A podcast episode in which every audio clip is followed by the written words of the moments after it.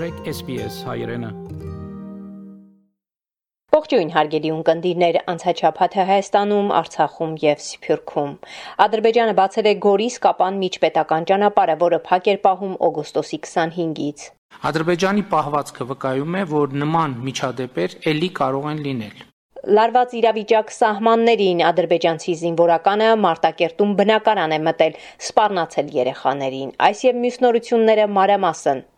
Մեկնարկում է Հայաստանի արտաքին գործերի նորանշանակ նախարար Արարատ Միրզոյանի աշխատանքային այցը Մոսկվա։ Սա Արարատ Միրզոյանի առաջին արտասահմանյան այցն է այս պաշտոնում նշանակվելուց ի վեր Ադրբեջանական կողմը բացել է Գորիս Կապան միջպետական ճանապարհի Գորիս Որոտան եւ Շուրնուխ կարմրակար հատվածները, որոնք փակել էր անցած շաբաթ օգոստոսի 25-ի գիշերը։ Ռուսական կողմի մասնակցությամբ տեղի ունեցած բանակցությունների արդյունքում օգոստոսի 27-ին ճանապարհները բացվել են։ Հայաստանի պաշտպանության նախարարության տեղեկատվությամբ 44-օրյա պատերազմի պատճառով Գորիս Կապան ճանապարհի 21 կիլոմետրանոց հատվածի որոշ հատվածներ վիճարկելի են եւ հենց դա էր պատճառը, որ տարածքում անցած տարեվերջից ռուս սահմանապահներ են տեղակայված։ Մինչ ճանապարհների բացումը վարչապետ Նիկոլ Փաշինյանը կառավարության նիստում անդրադառնալով խնդրին ասել էր. Հարգելի գործընկերներ, ազգային ժողովում կառավարության ծրագրի իմ ներկայացման հիմնական ասելիքը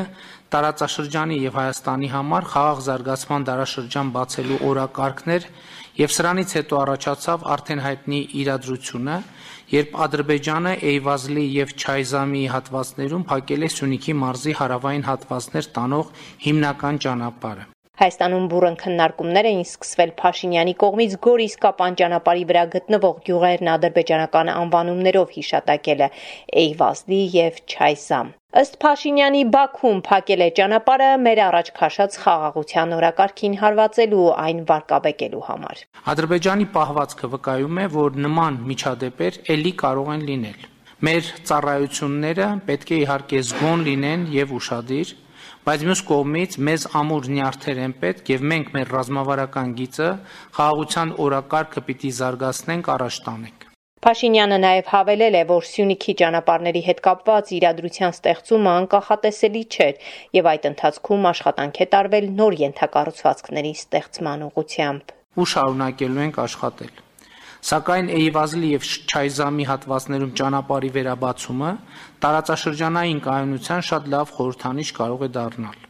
Ադրբեջանը շարունակում է լարվածությունը պահպանել ինչպես Արցախում, այնպես էլ Հայաստանի սահմաններին։ Օգոստոսի 27-ին ադրբեջանական զինուժը կրակ է բացել Գեղարքունիքի մարզի Կուտ սահմանամերձ գյուղի ուղությամբ, թիրախավորելով քաղաքացիական բնակչությանը։ Ներքաղաքական նորություններից լարված են թանում աշխատանքը Հայաստանի օրենսդիրում, որտեղ անցած շաբաթ ընդդիմություն իշխանություն լարված մտնոլորտում ընդունվել է կառավարության 2021-2026 թվականների գործունեության ծրագիրը։ Նախկին նախագահ Ռոբերտ Քոչարյանի ղեկավարած Հայաստան Դաշինքի խորհրդարանական խմբակցության ղեկավար Հայաստանի պաշտպանության նախկին նախարար Սեյրան Օհանյանը շիշ է նետել ամբիոնի մոտ ելույթ ունեցող իշխող Իմ Քայլի անդամ Հայկ Սարգսյանի ուղությամբ վերջինիս ելույթի ընթաց ընթացքում, ինչը վերածվել է քաշքշուկի ու ծեծկրտուքի ազգային ժողովում։ Ուրեմն բանակը քանդելուց թող չխոսան նրանք, ովքեր հիմա ես պաշտոնապես հայտարարում եմ, բոլոր նրանք, բոլոր այն բանը նախարարները, դե բանակից ազատվելու մասին խոսակցություններ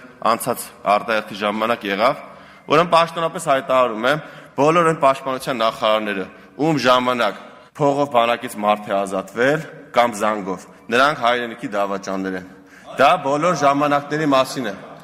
Ես քեզ եմ ասում, դալիճում։ Հելա պայք ես էլ, արա, ես անվտանգության անվտանգության աշխատակիցներին ներս եմ հրավիրում։ Իշխանությունը ինքը իր ելույթով սադրեց, որ เป զի այս բախումը տեղի ունենա։ Սրանից ավել ես չեմ կարող ասել։ Վարչապետ Նիկոլ Փաշինյանը կառավարության ծրագրի քննարկման ժամանակ հայտնել է, որ 2020 թվականի 44-օրյա պատերազմի հետևանքով հայկական կողմերի զոհերի թիվը 3773 է, 243 զինծառայողի գտնվելու վայրն անհայտ է։ Կառավարության մոտեցումների համաձայն Ղարաբաղյան հիմնախնդրի վերջնական կարգավորումը ԵՀԿ Մինսկի խմբի համանախագահության ներքո կարգավիճակի հստակեցումն է։ Կառավարության 2021-26 թվականների ծրագրում նաև ամրագրված է, որ այսօր էլ Հայաստանը պատրաստակամ է ջանքեր գործադրելու Թուրքիայի հետ հարաբերությունների կարգավորման ուղղությամբ։ Տարածաշրջանի խաղաղությունը եւ կայունությունը մեր երկարատև ռազմավարությունն է։ Սահմանակից երկրների հետ հարաբերությունների խորացումը կամ կարգավորումը կառավարության արտաքին քաղաքականության կարևոր ուղղություններից է լինելու։ Թշնամության խորացումը սպառնալիք է տարածաշրջանի կայունության եւ անվտանգության համար։ Թշնամության հաղթահարումը կարող է դառնալ տարածաշրջանային արտաքին քաղաքական օրակարգի առանցք։ Քավլիցի խոսքը որևէ բան մոռանալու, ուրանալու, եղբայրանալու, բարեկամանալու մասին չէ։ Արցախ. Անցած շաբաթ Մարտակերտ քաղաքի մի բնակարան է մուտք գործել ադրբեջանցի զինծառայող, ով մինչ Արցախի ազգային անվտանգության ծառայության կողմից բերման կենթարկվեր հասցրել է տան երեխաներին սպառնալ։ Կամ նաշում տա մի ժամ, ասում կախավանում ու վեքինենա, մի գեշոր էր աուզակենա վեքինա։ Էնը քեցալ չի տրադիոմունք պեն ընկրա որոշան որ պիտի փախչին Ստեփանակերտ Շուշի մոտ 8 կիլոմետրանոց ճանապարհատվածը լուսավորված է, այս հատվածում ճանապարհի լուսավորության ապահովումը անվտանգության տարեր է պարունակում, ասում է Ստեփանակերտում։ Նույն հիմնավորման առաջիկայում կավարտվի Ստեփանակերտից մյուս բնակավայրեր տանող ճանապարհների լուսավորումը։ Կարևորը անվտանգություն է միանշանակ, մարդիկ նոր կան բողոքներ, նաև որ գիշերային ժամերին Երևանից Ստեփանակերտ կամ Ստեփանակերտից Երևան ճանապարհին մտությունն Սփյուռք Միացյալ Նահանգների արևելյան ու արևմտյան թեմերի առաջնորդները պատրաստվում են մեկնել Անտիլիասի մայրավանք Լիբանանի հայության օժանդակության աշխատանքների իրականացման շրջանակում։ Կիլիկիո Արամ առաջին կաթողիկոսն այս արդիվ բարձր գնահատանք է հայտնել վերոնշյալ թեմերին, ինչպես նաև այն բոլոր կառույցներին, որոնք օժանդակեցին ու շարունակում են օժանդակել Լիբանանի հայ համայնքին, հավատալով նրա վերականգնման անհետաձգելի հրամայականին։ Արևմտյան Հայաստանի Մալաթիա քաղաքում գտնվող հայկական Սուրբ Երորդություն եկեղեցում 1915 թվականից ի վեր առաջին անգամ Պոսո հայոց պատրիարք Սահակ Մաշալյանի գլխավորությամբ պատարակ է մատուցվել։ Մալաթիո այս Սուրբ Երորդություն եկեղեցին, որ 1893-ին պաշտամունքի փածված է, մեծ ուրախություն պատճառած էր մալաթիացի հայերուն իհարկե։ Խոշոր, քեղեցիկ եւ աստեցիկ տաճար է։ Մալատիացիներ անմիջապես նույնացուցին իրենց ինքնությունը այս եկեղեցին հետ։ 10 տարի հետո 1905-ին երկաշարժը բադայցավ, քմփետը փուլ եկավ եւ վերստին նորոգեցին եւ իրենց պաշտամունքը շարունակեցին, բայց 10 տարի հետո մեծ եղերնը հասավ եւ այդ մեծ փոթորիկին մեջ այս եկեղեցին թուրները փակվեցան, ժողովուրդը քաղտեց եւ այլևս 100 տարին ավելի այս եկեղեցին մեջ պաշտամունք չեր գդարվեր։ Եկեղեցին շուրջ 100 տարի ավերակ վիճակում է եղել։ Վերանորոգումը ստանձնել էր Մալաթիայի հայդեր կազմակերպությունը։ Երազներու իրականացման օրն է ասիգա։ Ամեն ինչ պետք չէ քաղաքական ագնոցներով դիտենք։ Մարդասիրական եւ նաեւ քաղաքարական չեդին մգա, որ պետք է նաև հոն գնանք մենք։ Ուրեմն այն հույսով ունենք, որ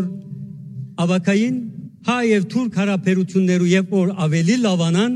այս երևույթները պիտի շատնան եւ իրենքալ իրենց ժողովրդին այս բոլորը բացադրելու կարողություն ունենան որովհետև երբեմն մենք հայերս միագողմանի գնային կարծին բայց թուրք հասարակության մեջ ալ գա ըսկայնություններ անոնց մեջ են ալ քսկա հատված մգավոր քողչեն որ հոստը եգեցական ճշտամունքը գդարվի հետավապար մենք հասկացությամբ կթիմավորենք եւ ասիգա շահված իրավունք լալով գտեսնենք եւ այդպես է այսօր բոլոր մալատիայի հանկուցյալներու հոգիները գծնզան եւ այսօր մալատիո մեջ ապմը մնացած մալատիայի մեր հավատացյալ ժողովուրդը ուրախ է եւ այլևս Մալատիայի հայերուն համար նոր մեկ պատճառ եւս կա այս հողերը չլքելու չցկելու հոս մնալու արմատն է դելու, որովհետև մեր հողերն են, որովհետև մեր հայրենիքն է եւ մենք ուրախ ենք այս հողերուն վրա ազատ համարցակ մեր ճշտամունքները կատարելով Այսքանը անցնող շաբաթը Հայաստանում, Արցախում եւ Սփյուռքում SBS-ի հայկական ծառայության համար ամփոփեց Գիտա Էլիբեկյան։ Կուզես լսել նման բանություններ, կընտրե Apple Podcast-ի, Google Podcast-ի, Spotify-ի վրա, կամ որտեղեն որ podcast-ը դուք լսես։